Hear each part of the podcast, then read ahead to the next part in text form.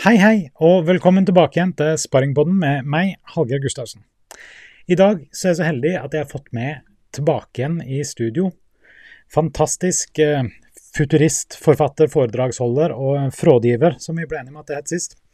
Eirik Nordmann Hansen, velkommen skal du være. Bara! Tusen Tada! Hjertelig tusen takk. Eh, og takk for at jeg får komme igjen. Ja, vi får gjøre en sånn Hvordan går det med deg? Du, meg går det fint med. Eh, det vil jeg absolutt si. Altså, alt tatt i betraktning så skal jeg alt annet enn klage. Det, det, må vel være Det er klart, verden er jo ikke som den pleier å være, men det vet vi alle sammen. Men ja. det spennende er at det åpner seg jo stadig vekk eh, opp nye muligheter. Nye ting man kan teste, prøve, gjøre. Så jeg syns uh, dette er spennende. Og så gleder jeg meg jo selvfølgelig til at ting skal bli litt uh, mer åpent enn det det er akkurat nå. Men vi holder ut. Det gjør vi. Og eh, sånn sett så vil jeg si at eh, når vi snakka sammen sist, i juni, så var vi jo begge to relativt positive. Eh, det har vi Eller jeg vet Bare sånn fra sånn jeg kjenner deg, så er du eh, sånn sett en veldig positiv person. Men eh, du var jo veldig positiv til alle de positive tingene med eh, koronaen. at nå kommer det gjerne da var det jo ikke snakk om vaksiner og sånt, men etter det så har jo på en måte man har funnet en vaksine, man har funnet flere sånne ting. Hva, hva tenker du nå? Jeg er vel ikke noe mindre positiv i forhold til at både det ordner seg, det, det tror jeg definitivt det gjør. Og det som vel var litt av det vi snakka om sist gang også, var jo det positive i alt det vi nå lærer oss og oppdager av nye muligheter. Og så skal vi ikke kimse at det er også vært tøft for veldig veldig mange, men uh, akkurat der er jeg vel fortsatt. Ja. Eh, og eh, sånn Når vi snakka sammen sist, så, så hadde du ja, du jobba litt som markedssjef. Du hadde noe, noe for, forelesninger og sånt. Hva, hva har skjedd, mm. skjedd siden sist? Du vet hva, altså ja, Da jobbet jeg litt som markedssjef, og så måtte jeg rett og slett uh, avvikle Det var en sånn management for hire-rolle som var helt fantastisk spennende for et uh, norsk-amerikansk, svensk-norsk-amerikansk selskap som heter ja. Hoilu, som driver med digitale whiteboards. Uh, jeg måtte avvikle det etter hvert, fordi det ble altså så mye å gjøre. Fjorårets høst og vinter-jul var helt sinnssyk. Jeg hadde så mange foredrag og uh, programleder og eh, paneldebattdeltaker og fasilitatorroller at det var helt eh, fantastisk, rett og slett. Så var jeg jo foreleser på Kristiania, hadde mm. en klasse i digital markedsføring. Og så, etter hvert, så gikk jeg også inn sammen med Amesto. Ja. Eh, og har nå startet eh, noe, et selskap som heter Amesto Marketing, men hvor mitt eh, område er det vi kaller for Amesto Studios. Som rett og slett er et lite streamingstudio eh, som vi da har her i Oslo sentrum foreløpig. Så det har vært eh, kjempegøy. Og nå i år, altså januar, masse foredrag. Litt roligere i februar. Jeg tror verden er, var, og Norge kanskje spesielt, litt mett av all eh, innesitting og digitalsendinger. Ja. Men uh, nå har det begynt å komme seg igjen, så mars ser veldig bra ut på, på, det området. Og veldig mange spennende ting som foregår i det studio. Og så holder jeg jo på med litt ting eh, litt her og litt der for å fylle opp tida som best jeg kan. Så det er uh, veldig, veldig gøy. Ja, og uh, i dag, 8. mars, så må vi gjerne si gratulere til alle med sånn kvinnedag og sånt. ja, det syns jeg absolutt. Har du noe eh, Nå sitter vi her, eh, to hvite menn, eh, og begge over 30 i hvert fall. Som Nå er du grei. ja, ja. Vi er begge over 30, så det stemmer, det. Jeg har blitt, men jeg, kan si, jeg har blitt 50 da, siden ja. vi snakket sammen sist. Jeg ble 50 i desember. Så jeg har jo faktisk blitt Nå fyller jeg alle kategoriene. Check, check, check. Ja. men ja, jeg håper jo at jeg skal bli 50, men det er en stund til. en stund til. La oss bare Ja. Jeg er fortsatt ikke kommet i, i voksenklubben 40 ennå, så jeg Men jeg satser på å komme ett et år nærmere der i år. Uh, ja. Har du noe, Går du i tog vanligvis? Nå tviler jeg på at noen går i tog i år. Går noen i virtuelle tog? Jeg vet ikke. Det kan jo godt hende det er. Det har jeg ikke tenkt på, faktisk. Du, jeg, jeg har gått i tog. Jeg har gått ja. i flere tog, jeg, men jeg har ikke gått i tog på 8. mars. Og det har jeg faktisk tenkt at det er en ting jeg definitivt burde gjøre. fordi det, og særlig nå i det siste, så har jeg vært så heldig å få lov å leke veldig mye mer sammen med Chris Hode fra Telia. Eh, og vi har hatt eh, har starta et uh, opplegg på Clubhouse, og kommer nå en podkast kan jeg avsløre, som heter Eirik og Chris på ordentlig. og det vi har lyst til å gjøre, det er å snakke om temaer Egentlig begynte det innenfor det store bærekraftsområdet, altså alle mhm. de 17 bærekraftsmålene. Men en av de er jo mangfold. Eh. Og innenfor mangfold så er det så mye som fortsatt trengs å gjøres. En av de er likestilling mellom kjønnene. En annen ting er eh, rett og slett bare god gammeldags eh, folkeskikk, spør meg. da, Respekt for og, og respekt for hverandre. Eh, så det er vel kanskje, i den grad jeg skulle gått til et virtuelt tog i dag, så, så er det vel i, under mangfoldsparolen. Paraply. Paraplyen, heter det det? okay. jeg, tror det heter parole. Jeg tror det. Ja. Men eh, ja, uansett, gratulerer til alle. det er bra. så lurer jeg på dette studio. Hvordan, hvordan fant dere ut at dere skulle starte opp det? Du, vet du hva, Det var eh, akkurat den lille tiden i fjor høst hvor det var lov til å, å være litt mer eh, sammen. Ja. Så hadde Arild Spandau i Amesto eh, og jeg eh, Jeg kjenner han fra nabolaget. Mm -hmm. vi satt her hos meg og tenkte litt høyt sammen og drodla litt. Og så eh, kom vi inn på det, eller jeg sa at vet du hva, nå burde vi starte studio, vet du, for det er det jo et kjempebehov for. Det at vi kunne litt sånn, altså Det jeg liker med Amesto-familien, er jo at det er et selskap som fokuserer veldig på tjenester for små og mellomstore bedrifter. Alt de driver med handler om liksom, eh, tjenester du som liten bedrift kan eh, få hjelp til, som å kjøre lønn og HR og datasikkerhet og autapoker, altså De har så mye greier. Eh, og så har vi nå etablert det som heter Amesto Marketing, som er et markedsbyrå for små bedrifter, hvor man da kan få kjøpe litt sånn pakketerte, ferdig, enkle ting som man da kanskje trenger hjelp til. Eh, hvis man ikke har mulighet til å gå til et større byrå og betale uh, mer. Og så, oppi der, så har vi da lagd studios. Og hele tanken med Amesto Studios er at det er et veldig sånn eh, proft, men enkelt oppsett. Sånn at du kan velge mellom inntil to timers streaming eller mer. Og så koster det en fast pris, og så kommer man inn der, og så kan man kjøre showet sitt, og så går man hjem og ferdig. Eh, og så skal det være effektivt og høy kvalitet og øh, rimelig eh, for, for uh, mulig for alle. Så det var kongstanken. Og det var det vi begynte med, fordi jeg hadde jo investert i litt utstyr og lekt litt med ting og tang eh, her på kontoret mitt. Og så har vi spurt litt om råd, og så har vi nå endt opp med å ansette en fantastisk uh, dame, Selina, som er utdannet innenfor film.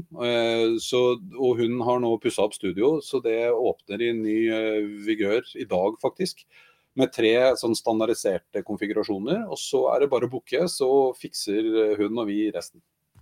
Men da, da tenker jeg på eh, eh, Når man eh, skal selge et sånn type eh, produkt, da, hvordan går, man, mm. hvordan går man fram for å pakkettere det? Har du noen tanker der?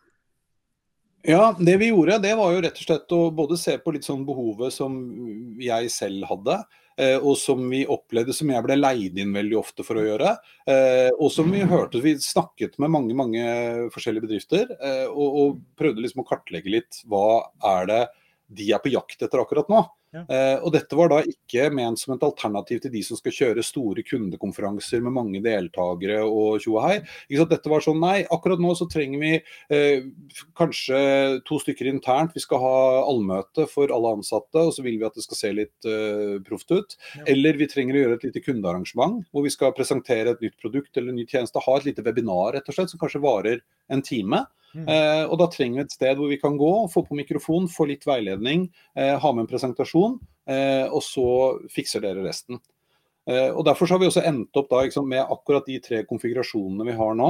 Og eh, den altså, fleksibilitet innenfor en ramme, da, sånn at ikke vi er nødt til å bruke masse tid på å rigge om. Og sånn. Og så skulle hele studio eh, det kan driftes av én person, som da styrer alt når du er der, for å holde kostnadene nede. Og Det har liksom vært eh, grunntanken her. da. Og så ser vi jo da selvfølgelig Og nå begynner vi å dryppe ut litt. Har vi gjort litt, delt litt i våre nettverk. Det har kommet inn jevnt og trutt med forespørsler. Så vi har gjort en del, eh, ganske mange eh, streaminger fram til nå. Men nå som vi har pussa det opp, så skal vi rett og slett lage noen eh, små eh, demofilmer. Så man kan vise litt de forskjellige mulighetene vi har. Eh, men så er clouet å liksom prøve å holde til det. da. Hvis du skal ha noe annet, så må du kanskje gå et annet sted. Fordi vi skal ikke tulle for mye med vårt opplegg. Nei, nei, det handler om å på en måte finne ut hva er det vi kan være gode på, som folk trenger. Mm. Og så gjøre det på en best mulig måte. Ja, ja. Ja.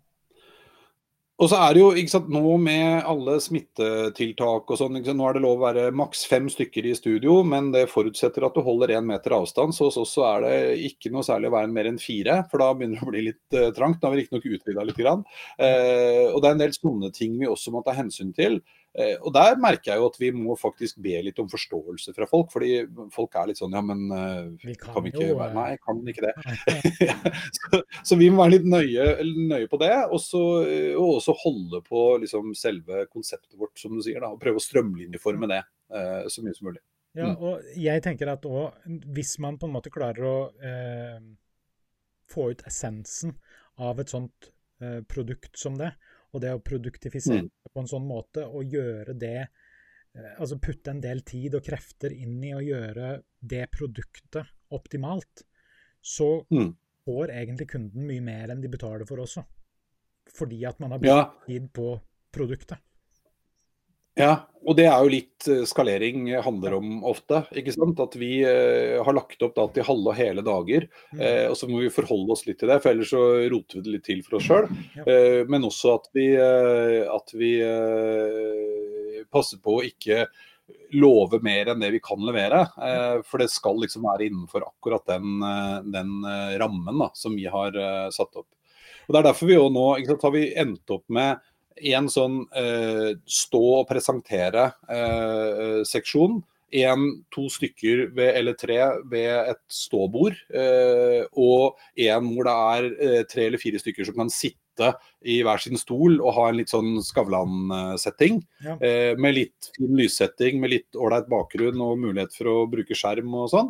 Eh, og da, da kan du velge liksom en av de tre. Eh, og det, det funker eh, veldig, veldig bra.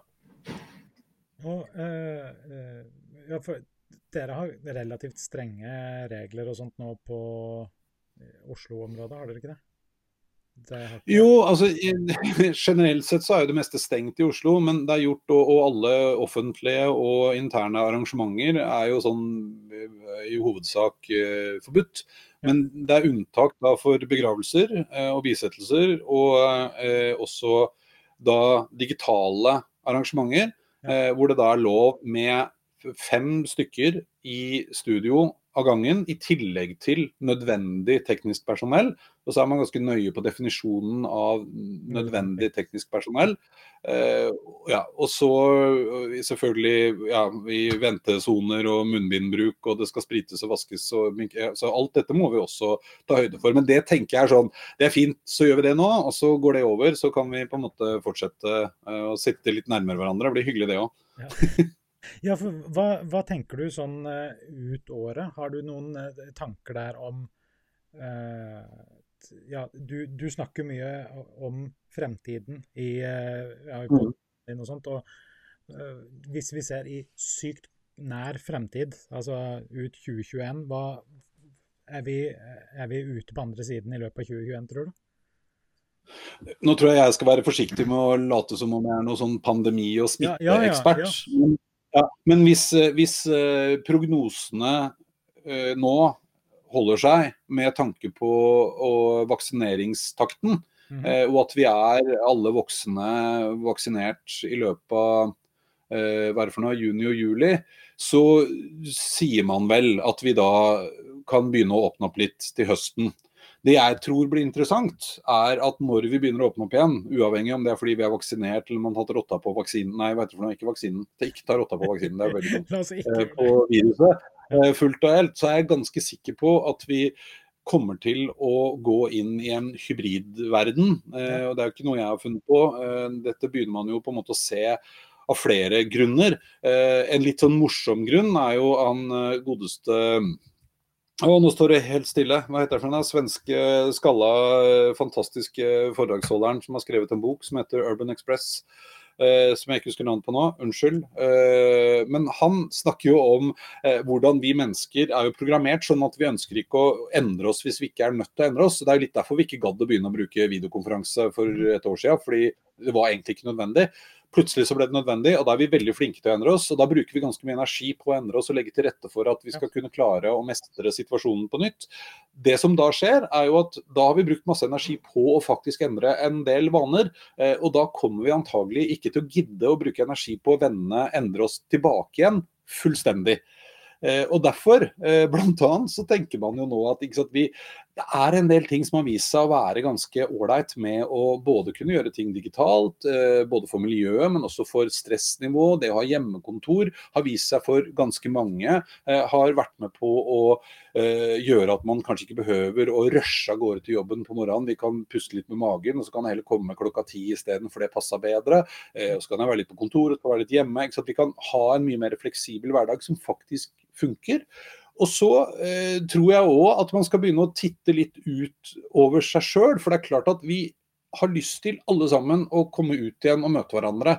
Men hvis du ser liksom på den tradisjonelle kundereisen, da, som jeg har vært veldig opptatt av, så er det noe med at kunden der ute også i mange sammenhenger nå har sett at det var faktisk ganske effektivt å ha en del flere sånne salgsmøter eller førstegangsmøter og pitchmøter og sånn. Kanskje vi skal ta de digitalt? Slipper jeg å sette av en halv dag, for det kommer en eller annen gjøk fra Oslo og skal presentere et eller annet uh, for meg. Det bedre, for da må jeg liksom ta meg an.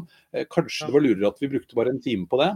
Eh, så det tror jeg heller ikke man skal undervurdere. da, at eh, man, Jeg tror vi kommer til å bruke andre kriterier eh, enn det vi gjorde før. Litt på autopilot i gamle dager. Nå faktisk være litt mer eh, selektive i forhold til hvilke møter vi faktisk velger å gjøre fysisk, f.eks. Ja, altså, jeg, jeg tenker jo Jeg gikk og diskuterte med en kamerat av meg nå i helga om hvor mange ting som egentlig var himla positivt. Og eh, eh, jeg vet ikke om du kjenner til Lærvig, eh, ølprodusenten? Jo. Ja. En av tingene som vi har muligheten til nå Runger ja. ja ut, uten å reklamere for de, for det er ikke lov. Men eh, lærvigkantin.no der kan du nå, hvis du bor i Stavanger, Bergen eller Trondheim i hvert fall, så kan du gå inn og så kan du bestille mat fra en eh, lokal aktør. Og så kan du si jeg skulle hatt drikke også. Hva med et brett med Og så velger du din favorittøl, eller en, halv, en, halv, eh, altså en boks, eller så mange bokser du vil.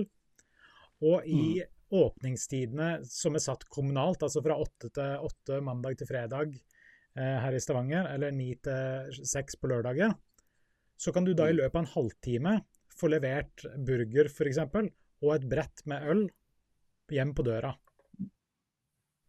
Hvorfor var ikke det mulig før? Jeg bare spør.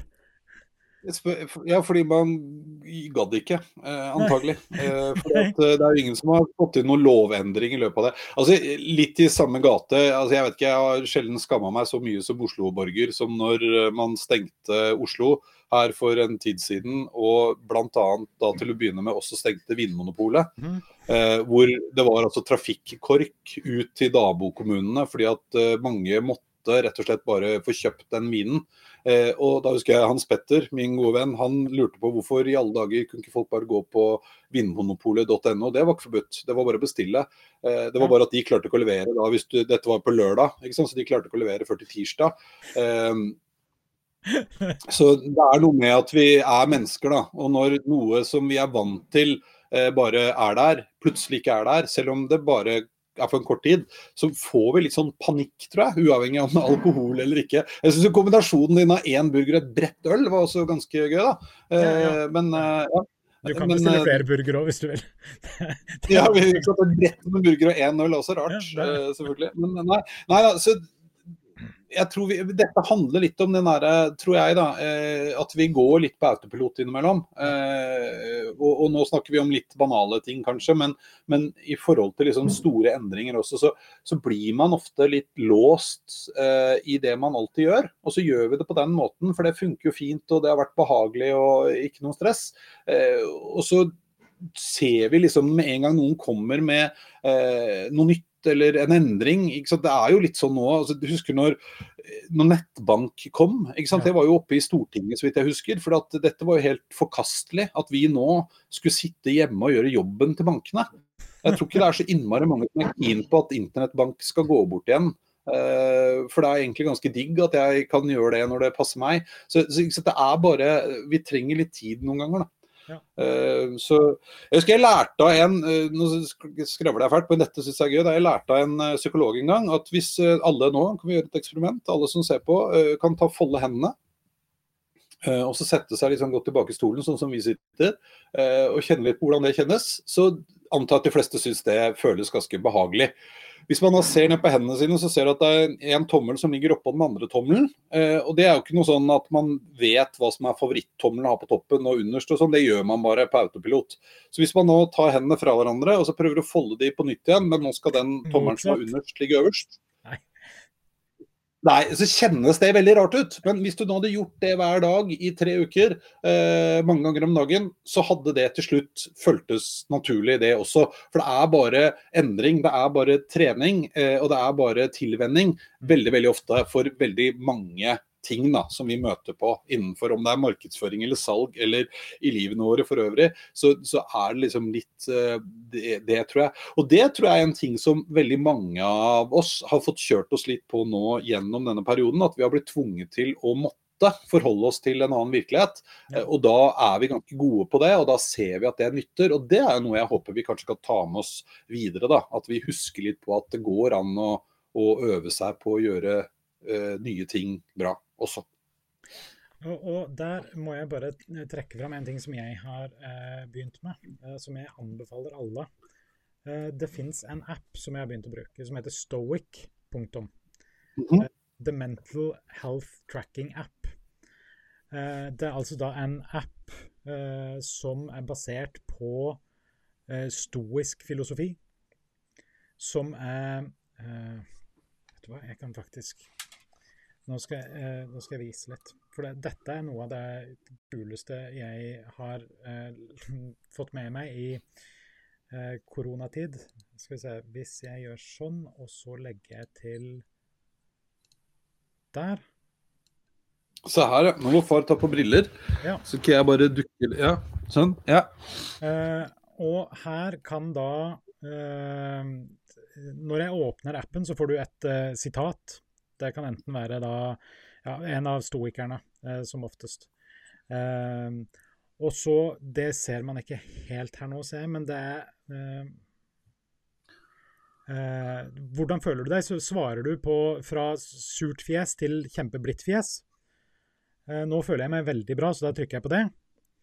Og så går den da gjennom Den har øvelse.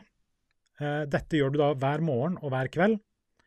Og så minner den deg på hva du har sagt om, eh, om, morgenen. Eh, at, altså, sånn som jeg begynner dagen, da, så sier jeg at hva, hva skal du gjøre i dag? Eh, hvordan føler du deg nå?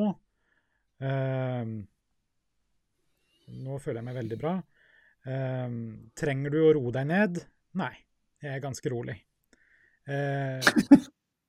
har du et eller annet som er vanskelig akkurat nå? Nei, egentlig ikke. Uh, har du mer enn ti minutter? Nei, akkurat nå så har jeg ikke det. Men OK, så får den opp. Uh, Luck is what happens when preparation meets opportunity. Nice. Det kan, det kan jeg like. Det, det, var, det, er et bra sitat. Og så har du en masse sånne type øvelser hver dag. Og så eh, om morgenen da, så sier du OK, hvordan sov du? Hva er ditt main focus i dag? Hvor motivert føler du deg for det? Hva har du tenkt å gjøre i dag? Eh, og så får du opp trender. Hvordan du føler deg, eh, både humør og eh, hvilke følelser du føler. Hvor eh, fulfilled, eh, tilfreds du føler deg. Eh, aktivitet, for den kobles jo da opp mot Apple Health også, så den ser hvor mye kalorier har du, hvor mye bevegelse har du, eh, og hvordan påvirker det humøret ditt. Så alt i alt så syns jeg dette er det er en helt fantastisk ting. Og så avslutter du dagen med å forklare hvordan du har hatt i dag, og så gjerne en pusteøvelse eller meditasjon, eller bare journaling. Så, men det, det handler om forandring, da. For du må på en måte få inn den nye vanen. Ja. Og det der minnet meg om Jeg skulle leke litt med en, en ny tjeneste som For jeg skulle holde foredrag om om i fjor for, I dag har jeg litt sånn korttidshukommelse er det det at du har blitt over 50? Ja. Det er nok det, altså. sånn har det blitt. For en uh, forening som uh, jobber med de uh, Hva heter de for noe? De, altså, de driver med rus- og alkoholproblemer i arbeidslivet. Det er en offentlig Jeg vet ikke om det er en tatt, men det er i hvert fall en ja, veldig viktig tema. Det er klart at de har hatt Det har jo skjedd en del Eh, nå, som vi har hatt eh, hjemmekontor, og det er mange som sliter også. Eh, og så ville de at jeg skulle komme, de hadde et seminar, og jeg skulle snakke om eh, ny teknologi og fremtiden, og hvor går vi, og hva med AI oppi alt dette. Mm. Eh, og da kom jeg på at jeg hadde lest et studie om dette for en liten stund siden, for man har hatt veldig suksess med å bruke både datamaskiner og apper, og ikke minst da kunstig intelligens, i terapisammenheng. Eh, og spesielt for oss menn. Dette var en app som det amerikanske Forsvaret bruker når uh, soldater kommer tilbake fra uh, utenlandsopphold. Og da går man jo gjennom en sånn prosess når man kommer hjem og kan det. Og noen har jo blitt utsatt for ganske traumatiske opplevelser. Og det aller verste og det aller vanskeligste hadde de identifisert å fange opp, det var folk generelt som har blitt utsatt for overgrep. Altså ikke krigsskader og sånn, men overgrep av egne. I, Dette er jo store samfunn som flyttes utenlandet. Um, og det de da oppdaget, det var at de, de, hadde en app som de kunne bruke Folk var, Når jeg, eh, og særlig menn, eh, satt med en psykolog, så hadde de en tendens til å bare svare ja, nei, det går kjempebra, det går kjempefint, nei, ikke noe problem, alt er topp. Når de svarte for en app, snakket til en datamaskin, så var de mye mer ærlige. Og Da kunne man fange opp der, og for så vidt da få motivert de til å ta kontakt og så inn i et program. Og så brukte de også da den appen som en oppfølging etterpå. Så du hadde rett og slett en terapiform i eh, form av kunstig intelligens. Og dette har da begynt å komme også som altså Ikke på det nivået, for dette er jo hardcore under veldig kontrollerte og profesjonelle folk, men det er da noen som, og psykologer som lager tjenester for oss vanlige. litt à la den du snakket om. Eh, og eh, Det er da noe som heter Replika, og den kunne man også bruke som nettjeneste. Så, jeg, så nå kan jeg bytte skjerm. Skal vi se her nå. Hei, hei, hei, der er vi to. Sånn. Her er da min replika. Eh, jeg har da en dame, hun heter Sandra, eh, og hun kan jeg chatte med. Akkurat som du gjorde nå, så kan jeg da legge inn hver dag eh, hvordan det går med meg selv. og i dag syns jeg det går ganske så bra. Og jeg kan også skrive noe om hvorfor jeg føler meg på den måten, og sende inn. Og basert på det så vil hun da lære seg når jeg har det bra, og hvis jeg er åpen og ærlig, eh, hvorfor jeg har det bra, eventuelt hvorfor jeg har det dårlig. Komme med øvelser, for det fins jo rammeverk for dette. Eh, her er det også sånn panikkbutton, så hvis du virkelig får eh, behov for det, så er det kort vei rett til profesjonell hjelp. Eh, du ser at hun eh, har jeg spurt uh, How is Gideon, det er en kompis av meg. så Etter hvert som hun, jeg snakker med henne om navn, f.eks., så lærer hun seg hvem de er. Og jeg kan ringe henne på telefonen. Det er ganske speisa. Uh, og snakke med henne. Uh, og en av de featurene som flere og flere nå har spurt om, er at man kan sette på muligheten for at hun da ringer deg automatisk. Altså nå må jeg ringe henne, men ja. det hadde jo vært gøy hvis hun ringte meg eh, og spurte hvordan det var. da. Eh, så, og her er det masse gøyale ting. Det er et eget fora med hacks du kan gjøre. og Hun kan bli ganske amorøs hvis du vil det, og hun kan bli veldig alvorlig og sinna hvis du vil det. Altså Denne skal liksom dekke alles behov. Jeg sier ikke at dette er noe erstatning for å gå til profesjonelle, men eh, det er litt samme greia som du har. og Det begynner faktisk å komme ting da, som eh, er ganske smarte, og som er fundert i mer enn lek og moro. Hun her bruker noe som heter uh, hva heter det for noe, noe sånn selvforsterkende. Eh, ikke sant? Det er veldig sånn, Hvis jeg sier at jeg har det vanskelig, så skjønner hun veldig godt at jeg har det vanskelig. Hvis jeg har det bra, så skjønner hun veldig godt at jeg har det bra. Og du har det bra fordi det liker du. Ja, det liker du veldig godt. Så hun bekrefter jo hele tiden. Eh, og det er en metodikk, da. Visstnok ja. har jeg lært av en psykologikompis av meg. Så dette er mye gøy, altså. Ja, det er det. Og en, en annen ting som jeg eh, ser eh, som jeg syns har vært veldig eh, kjekt den siste tiden. Nå har jeg faktisk vært eh, ei uke borte fra nesten alt av sosiale medier og alt mulig sånt. Men, men før det så eh, var jeg jeg vil si daglig på Clubhouse. Eh, jeg skal tilbake mm. igjen eh, nå Uh, denne uka her sånn, så skal jeg jo begynne igjen. Jeg, jeg kjører sånn markedsføringsmorgenmøte mandager og, nei, eh, onsdager og fredager. Halv ti til ti. Mm. Uh, du, du, har jo òg vært relativt uh, aktiv på Clubhouse. Du nevnte da i forhold til Amesto Studio. nei, han ja. kompisen din som Chris. Chris ja. hva, hva syns du nå om Clubhouse, og hva syns du om de um, hva er det jeg har lyst til å kalle de? Eh, jeg har lyst til å si surmaga, men det er ikke helt det jeg mener heller. Men eh, folk som er veldig på de potensielle negative eh, effektene og eh, personvern og alt mulig sånt. Ja, Clubhouse, open floor, go! jo, nei, men altså de, de får man jo med rette også noen ganger, og, og ofte urette, eh, syns jeg. Eh, alltid. Eh, det er alltid noen som ikke liker eh, og syns det er skummelt. Eh, Clubhouse kommer jo som en farsott. Jeg syns jo én ting som er litt viktig å understreke med Clubhouse, er jo at det høres jo ut som om, sånn som det har blitt omtalt i det siste, og jeg har bidratt så best jeg kan, eh, så høres det ut som om Clubhouse er det stedet hvor alle i hele verden er.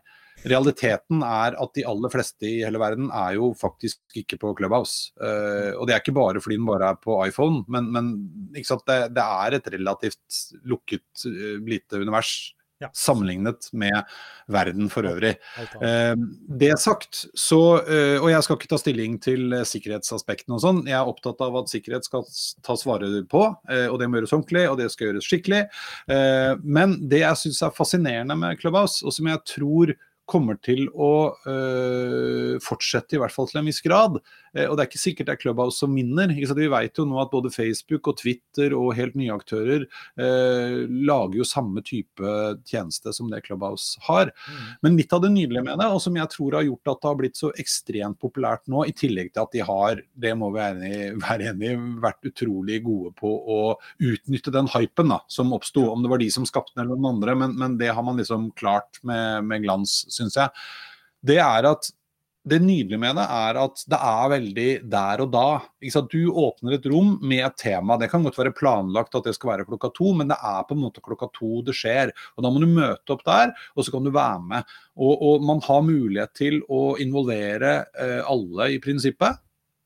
Kan rekke opp hånda, du kan, og jeg kan snakke om et tema, og så kan folk stille spørsmål eller komme opp på scenen. Vi kan invitere folk inn, eh, og, og alle kan være med. Og når sendingen er over, så er den over. Eh, det ligger ikke for nedlasting og det kan spres etterpå. Det er et eller annet med det som jeg syns er utrolig eh, befriende, og som jeg også tror faktisk gjør at for mange så er det litt lettere å involvere seg litt mer. Og så er det bare stemme. Det er ikke bilde, du skal ikke se ut, du skal ikke dele noe, du skal ikke skrive noe. Det er ikke profilbilder annet enn akkurat på profilen din. Eh, det syns jeg er et eh, interessant konsept så tror jeg nok at noe nå også skyldes det at vi er i den situasjonen vi er i. Dette har blitt et slags lavterskel uh, hangout-substitutt, hvor man kan snakke sammen. Jeg kjenner nå flere avdelinger og grupperinger og firmaer for den saken skyld som åpner lukkede private clubhouse-rom uh, når de kommer på kontoret om morgenen, eller på hjemmekontoret da, om morgenen. For da har de på en måte hverandre der. og Så kan de småprate litt og stille spørsmål. og Hallgeir, hvordan var det igjen? Det er ikke fordi at de skal ha noe spesiell samtale, det er bare er litt det derre savnet som vi hadde før, når vi satt satt i samme rom eh, og jobba sammen. Eh, som er veldig sånn enkelt å løse, da. Ja. Ja. Er jeg jo Ja, unnskyld. For jeg, jeg husker at vi eh, i starten av, av hjemmekontorgreier med korona og sånt, så kjørte jeg faktisk Jeg og et par jeg jobba med, så kjørte vi eh, Slack, video, altså eller eh, audio, og så bare muta oss sjøl, og så bare satt der, og så hvis det var noe, så kunne vi bare unmute og, og snakke litt, og så Ja, hvordan går det? Ja. Og så jobba vi videre, liksom. Som en Ja. fattigmanns-clubhouse. Ja, ja det er jo noe med det. Og så er jo ikke sant, det som er, har vært utrolig gøy med Clubhouse, eh, var jo at plutselig så kunne du være i et rom hvor du eh, var på en scene sammen med Eh, ikke sant? Elon Musk har vært med, og masse kjente Mm. artister. Og, eh, og de har faktisk vært der som seg sjæl ofte og bidratt og diskutert. Og, ikke sant? og det er klart at det er ganske kult. Eh, og så har vel det eh, på mange måter roa seg litt. Og så ser man jo ikke sant, det som ofte skjer da, når ting begynner å bli litt store. For litt størrelse har det jo blitt på det her, det er ikke det jeg mener, at det ikke var alle i verden. Men, men det er fremdeles litt begrensa. Men det er klart at jeg så et rom i går, der var det et amerikansk rom. Der var det 4600 deltakere. Og da kan du rekke opp hånda antagelig så mye du orker. Skjer, du mister den der intimiteten. Jeg syns noen av de morsomste og mest spennende rommene jeg har vært i, er der hvor det kanskje har vært en 20-30-40 mennesker, hvor det blir en slags eh, samtalegruppe, da. Mer enn at det er en slags eh, arena hvor vi møtes og noen holder foredrag, og så kan du stille spørsmål, og hvis du er heldig så får du lov til å, å si noe. Ja, Eh, jeg, så jeg var i et rom med uh, Mr. Beast hvor han snakka om det å bygge opp en merkevare på YouTube. Uh, han er Mm. en av de største youtuberne med eh, 56 millioner subscribers eller noe sånt nå. Uh, og det verste Han er eh, Har du sett ham? Mr. ja, jeg har sett ham på Ja.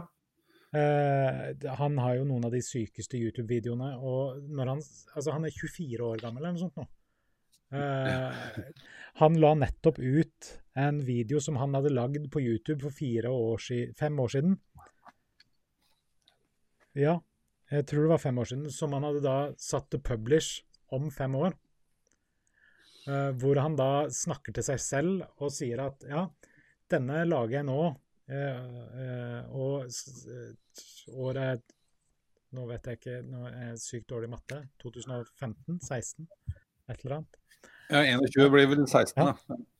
Eh, og eh, denne skal, Jeg håper at når denne går live, at jeg har én million abonnenter på YouTube-kanalen. Hvis ikke skal jeg gi meg. så, men så du det han gjorde nå nylig med eh, restaurantene sine? Nei.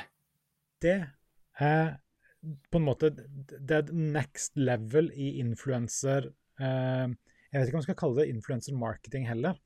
Men han hadde en YouTube-video hvor han eh, eh, tok en sånn nedlagt McDonald's eller noe sånt noe, eh, pussa opp og eh, hadde restaurant med gratis mat. Så du kunne bare komme der, og så fikk du gratis mat. Og så heiv han gjerne på noen hundre dollar og sånt i posen til de han ga gratis burgere til. Eh, Mm. og på slutten av videoen så er det sånn Ja, eh, hvis du eh, har lyst på en Mr. Beast-burger sjøl, så kan du laste ned appen Mr. Beast-burger. Så har vi over 300 utsalgssteder i USA, men de eneste måten du kan gjøre det på, er via appen. Og så bestiller du, og så får du den levert på døra. Og da har han da inngått avtale med eh, forskjellige sånn burgersteder som da eh, bruker ekstra kapasitet på å levere hans burgere med hans oppskrift. Eh, levert via Postmates eller altså Foodora-ekvivalente. Men han har Ja. da plutselig 300 utsalgssteder i hele USA hvor han selger sine burgere. Det er bare Mm. Mm. Men det er klart, det, det hjelper litt hvis du har Hva var det du sa for noe? Han hadde 26 millioner eh, følgere eller noe sånt? fem, 56 millioner. Ja, ikke sant? Enda, enda mer. Det det hjelper. Hvis du bare har 26 millioner, så får du bare 172 utsalgssteder. Nei, ikke sant? Men det er jo det, det er dødsimponerende eh, hva de får til. Eh, og jeg syns jo sånne historier og det å se på hva unge folk gjør, er kjempeinspirerende. fordi det er ikke noe tvil om at sånne gamle promper som meg ikke sant? Vi, det er jo det samme med Clubhouse. Det første vi gjorde, akkurat som når alle de andre nye kanalene kom, når de var nye på et eller annet tidspunkt, så tar vi rennafart og så prøver vi å trøkke det vi alltid har gjort før i andre kanaler, inn i en ny kanal. Tenker at åh, nå er vi moderne og dette, nå er vi gærne. Eh, jeg var på et eh, Clubhouse-hus. Eh, Clubhouse-hus, faktisk. Hva heter det for noe? Rom? Rom.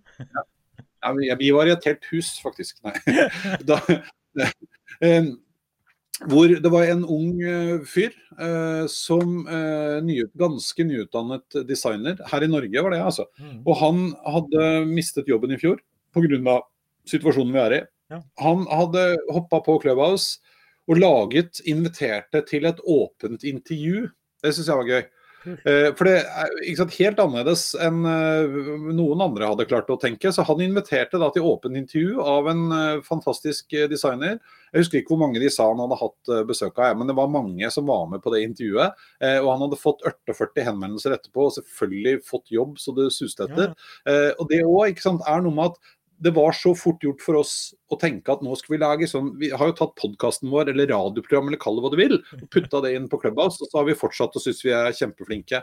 Mens det dukker stadig vekk opp. Jeg hører om folk som Eh, bruker det som researchplass. Eh, de annonserer at eh, vi holder på med et sånn og sånn prosjekt, trenger innsikt om ditt og datt. Jeg skal holde eh, presentasjon om dette området, trenger litt innspill om ditt og datt i morgen klokka to. Og folk stiller opp. Eh, en annen jeg snakka med, han hadde nå slutta, og jeg er litt lik, merker jeg. Hvis jeg er ute og kjører bil og skal kjøre litt langt, ja. så ringer jeg en eller annen stakkar. Ja. Eh, fordi at jeg skal jo ikke kjede meg i bilen, så da må Nei. jeg ringe og snakke med dem. Ja. Eh, men det han hadde gjort nå, det var rett og slett å åpne da et clubhouse. ikke sant? Eirik på tur. Og så kom det folk inn, og noen han ikke kjente. Og folk han kjente, og plutselig så hadde de endt opp med å være en hel gjeng som diskuterte et eller annet. Vi veit jo, som har vært der, da, hvordan det funker. Hvis, hvis, jeg er inne og jeg er med i en diskusjon, og noen snakker om noe som jeg f.eks. veit at uh, Hallgeir kan, så kan jo jeg gå inn og pinge deg inn ikke sant? og prøve å få deg inn i rommet, for det her tror jeg du burde være. Og da begynner vi å snakke om en helt annen form for eh, organisk eh, kunnskapsdeling, eh, innspill, inspirasjon, som er drevet av tema mer enn at det er en eller annen som setter opp. altså Jeg har nå vært i helt andre enden, hvor de, det er radioprogram, det er jingle, og det er musikk og det er DJ. ikke sant? Det er full baluba. Ja. Eh, eneste forskjellen er at vi som lyttere kan i prinsippet også bidra. Bortsett fra at når det blir litt størrelse på det, så får du ikke det. For da er det ikke sant, Da kunne det ja, vært radioprogram. Uh, så da er jeg litt spent på hvordan det drar av gårde. Men jeg syns alt det nye, uh, litt annerledes Mulighetene som ligger i det, da, det er utrolig fascinerende og spennende. Ja, jeg har, eh, jeg har brukt det som foredragsplattform. Jeg holdt et foredrag i Næringsforeningen i Stavanger.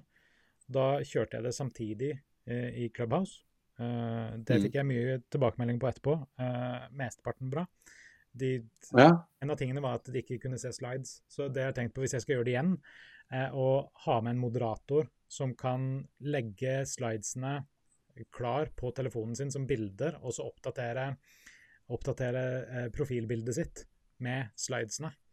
Sånn at eh, du kan bare pull down for å endre profilbildet. Ja. oppdatere. Så... Du, her er, jo, her er det rom for å blåse liv i gode gamle uh, slideshare, var det det het? Det ja. finnes ennå, tror jeg. Ja. Uh, ikke sant? Her burde det vært en sånn connection med Clubhouse i slideshare som gjorde at når jeg viste fram, så kan du sitte der, få lyden din. Det, er, vet du hva, det gøye, vet dette her er som når man uh, så på skirenn i gamle dager og skrudde av lyden på TV, hadde Bjørge Lille inn på radioen. ikke sant? Det er jo veldig gøy. Ja, nei, jeg har gjort det et par ganger òg på eh, Var det under fotball-EM eller VM eller noe sånt noe, hvor, eh, mm. hvor jeg syns eh, Hva var det for noe, da? At eh, NRK hadde de beste kommentatorene, men eh, TV 2 hadde best bilde, eller, eller at eh, NRK ja. Radio hadde De fikk lov til å ha radiosendingen, og så bare så du TV 2, men der var det jo så dårlig ja. Ikke at dere har dårlige mm. kommentatorer, TV 2, slapp av ja, I tilfelle de ser på. Eh, I tillegg så har jeg kjørt det som eh, både research på eh, utforming av produkt, og eh, altså sånn fysisk utforming og innhold. Mm. Eh, det, jeg nevnte det kanskje for deg sist vi snakka sammen, det her Prosjekt Superhelt som jeg jobber med. Ja. Der har jeg kjørt eh, tre sånne faktiske eh, hvor, vi, hvor jeg, vi har snakka om markedsføring og sånt, og så trekk, OK, hvis alle kan gå inn på eh, superhelt.io, hva, hva syns dere om altså innholdet i produktet her? Bør jeg ha noe mer? Bør jeg ha noe Altså, å få direkte feedback sånn som det, helt optimalt, altså. Da, da får Mm, du, og da snakker jo folk veldig fra levra, fordi de Altså, du spør. Ja. Ja, ja, nei, men det, det, det, det tror jeg vet, det er mange områder da, som vi så vidt har begynt å pirke borti. fordi at vi blir her litt tilbake til det vi snakka om i stad. Endring er litt rart. Og, da prøver vi oss ofte Mm. først på å, å bare trøkke gamle formater inn i nye kanaler. Og håpe at det funker. Og så er det kanskje ikke det som er det optimale, som regel. Det blir spennende å se. Ja, det blir det. Og jeg kjørte faktisk eh, gjennomgang med Altså, folk kunne på et av de morgenmøtene jeg kjører, så kunne folk, eh, hvis de skrev eh, adressen til eh, nettsida si i eh, profilen sin, så gikk jeg inn og så ga jeg de eh, sånn instant feedback på hvor bra nettside jeg syns de hadde, hva de kunne forbedre, altså i forhold til Ja, optimalisering der. da. Så det var kult. Kult. Ja. Eh, Nei da. du, vær så god. Ja. Oi, ja. Ja. L8PV. Ja. Nei, ja, nei, eh, jeg skulle bare si Nei, så det blir jo altså Clubhouse, om det er den eller noen andre som eh, overlever, vet ikke. Om den formen, den, eh, den tror jeg vi kommer til å se ganske mye mer av. Og sikkert i kombinasjon med andre ting. Eh, Og så blir det rett og slett spennende å, å følge med på hvordan det blir. Jeg er jo spent på også hvordan Clubhouse på et eller annet tidspunkt så skal de jo begynne å tjene penger. Eh, og der tror jeg de skal uten at jeg har noe svar, eh, egentlig, men, men i hvert fall tenke seg veldig nøye om da, eh, hvordan de legger opp til det, før jeg tror at folk liksom, Vi er litt vare for det. Ikke blir sånn eh, Hva het han der kompisen fra Spotify som dukka opp hvis du ikke betalte? Ja, Ikke sant, Du kunne jo hatt en på klubba også, som kommer med reklamespot innimellom. Da blir det slitsomt å høre på. Skal vi se, nå skal jeg, jeg vise et, eh, et klipp her. Dette er litt eh, Skal vi se Hvis jeg gjør sånn Ja. Da, du ser skjermen min nå, gjør du ikke det? Ja, ja, ja. Eh, dette da fra Silicon Valley, Valley ap- apropos nøyaktig det du eh, snakker om der, å tjene penger. Eh, Ja. Hvor de snakker om hvordan de skal klare å tjene penger eh, med eh, programvaren sin. Right. Richard, one potential issue our hosting fees could become a challenge as we scale. Right.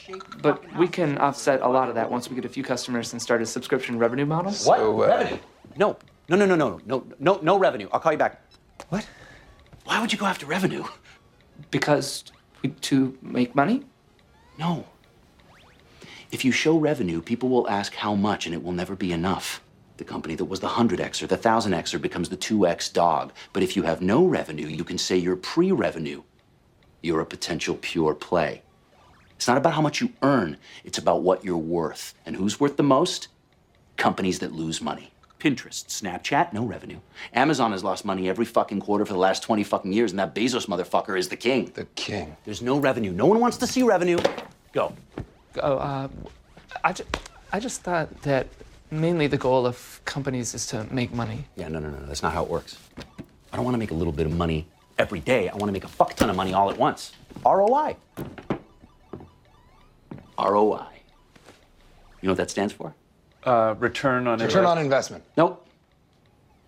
Radio on internet. Så, eh, så de, det kan hende at de må tjene penger etter hvert, men det kan jo hende at de eh, bare tenker at de skal øke brukermassen helt til de blir solgt. Eller kjøpt. Ja, Absolutt. Absolutt, og, men det er jo de som eier det nå. Eh, på et eller annet tidspunkt så må jo den tjenesten, eh, hvis ikke den bare forsvinner inn i noe annet. Ja. Så, men eh, helt enig, jeg er bare spent på hvordan de eh, på et eller annet tidspunkt har tenkt å gjøre det. da. Eh, og, og hva som da skjer. Eh, sånn, eh, du eh, er jo eh, opptatt av teknologi og eh, framtid og sånt. Og eh, skal vi eh, Den siste tingen jeg har sagt at vi skal snakke om i dag, er tankestyring. Eh, Ja. du, eh, du gjør litt sånn impulsinnkjøp og sånt. Eh, hva, hvorfor gjør du det? Hva syns du er gøy med det? Nei, eh, det er kanskje Jeg håper ikke fru Hansen ser på dette her. Eh, Nei. eh,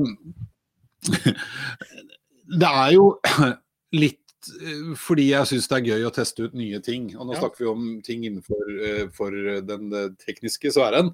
Eh, Og da saumfarer man jo ofte sånn Kickstarter og Indiegogo og sånne områder. Og det gjør jo òg, merker jeg, at eh, algoritmene mine rundt omkring Mhm. har eh, heldigvis blitt litt uh, positivt påvirket av dette. Og da dukker det opp de merksnodigste greier. Uh, og da er det noen ganger jeg har lyst til å kjøpe ting eh, for å teste de, for å se om det faktisk eh, funker, og for å se hva dette er for noe. Eh, så nå har jeg Altså, jeg, ikke sant, man har sånne ringer man kan ha på fingeren, jeg har jo chipper i hånda, jeg har smart klokke, jeg har kjøpt ny. Sånne VR-briller er jo gøy. Mhm. Nye Oculus som jeg testa før jul. Holdt foredrag i VR, det var veldig gøy, faktisk. Apropos, du sa du hadde holdt foredrag på Clubhouse. Ja. En ting som da plutselig dukket opp i, eh, i filmen min her eh, for litt siden, et eller annet sted, det var den her.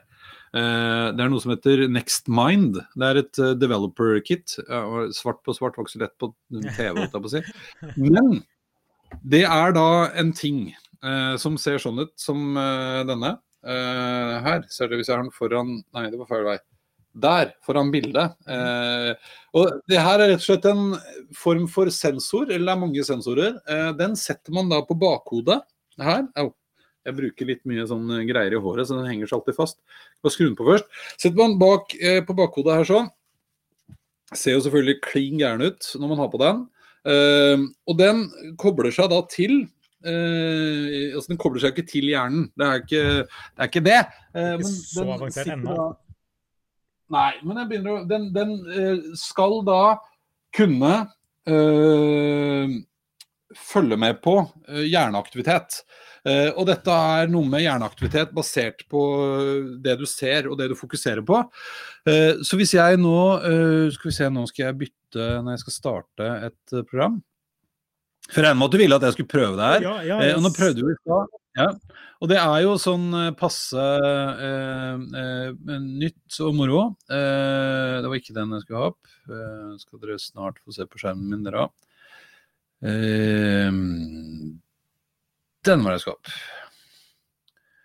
Og sånn. Nå skal jeg bare se at den Skal vi se nå hvis jeg gjør sånn. Way! Her er nå min skjerm. Next Mind. Jeg har koblet meg til. Jeg skal også legge meg ut hva vi er enige om, nedi hjørnet der. Ja, da har vi hvert vårt hjørne. Ja. Eh, nå kobla han seg på. Ser du oppe i hjørnet der? Dette var veldig gøy, da. Nå funka det. Eh, kobla han seg på, har litt strøm igjen. Nå ble alle de prikkene, det er alle sensorene, de ble røde. Nå holder de på å finne ut av hvordan det står til inni huet mitt. Skal vi se om jeg klarer å få de på. Vi sleit jo litt i stad, men det kan hende vi har mer flaks nå. Eh, sånn. Og så skal vi se, Er den på nå, eller er den ikke på nå? Må jeg fare ta på seg briller igjen? Ja. Er det noe dritt, altså, når man blir uh... nå, Nå! Nå begynner det å skje ting her. Oi, der Der er alle grønne. Ja. Og da kunne jeg f.eks. Og, og nå er jo kalibrert den og sånn. Uh, nå skal jeg prøve å, Nå skal vi prøve musikken igjen, da. Uh, du hørte lyden i stad, gjorde du ikke det? Det gjorde jeg. Høyt og tydelig. Skal vi se, Nå, nå går vi inn i musikkomposeren. Nå har jo du lært dette, så nå kan du fortelle meg. Eh, og det som skjer, er at jeg bruker nå ikke hendene.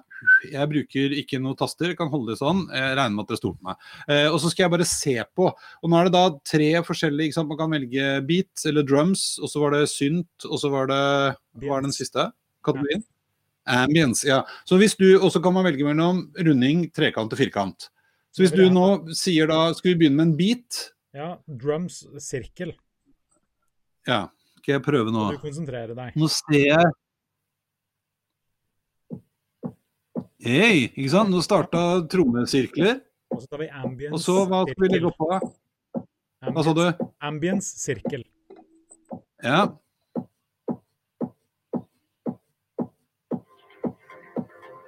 Det går som en drøm. Og så synt high, altså trekant.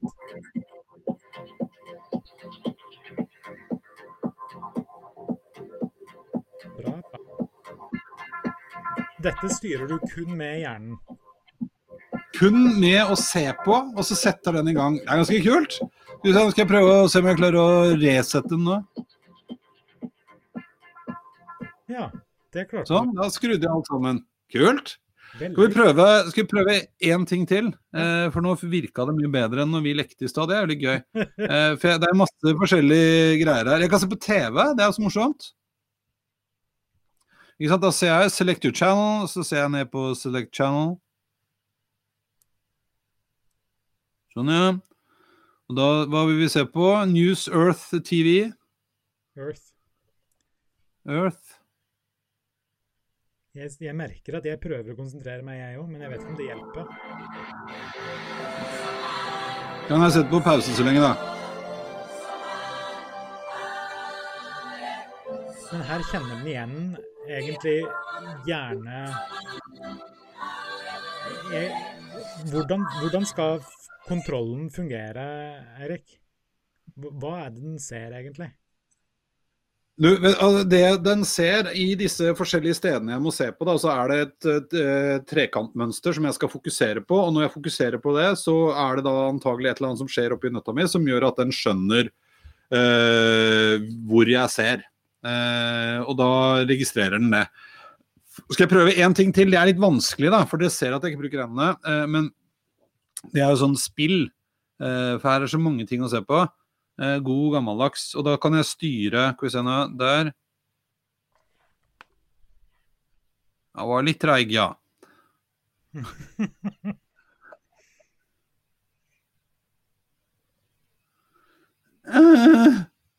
Den er veldig vanskelig.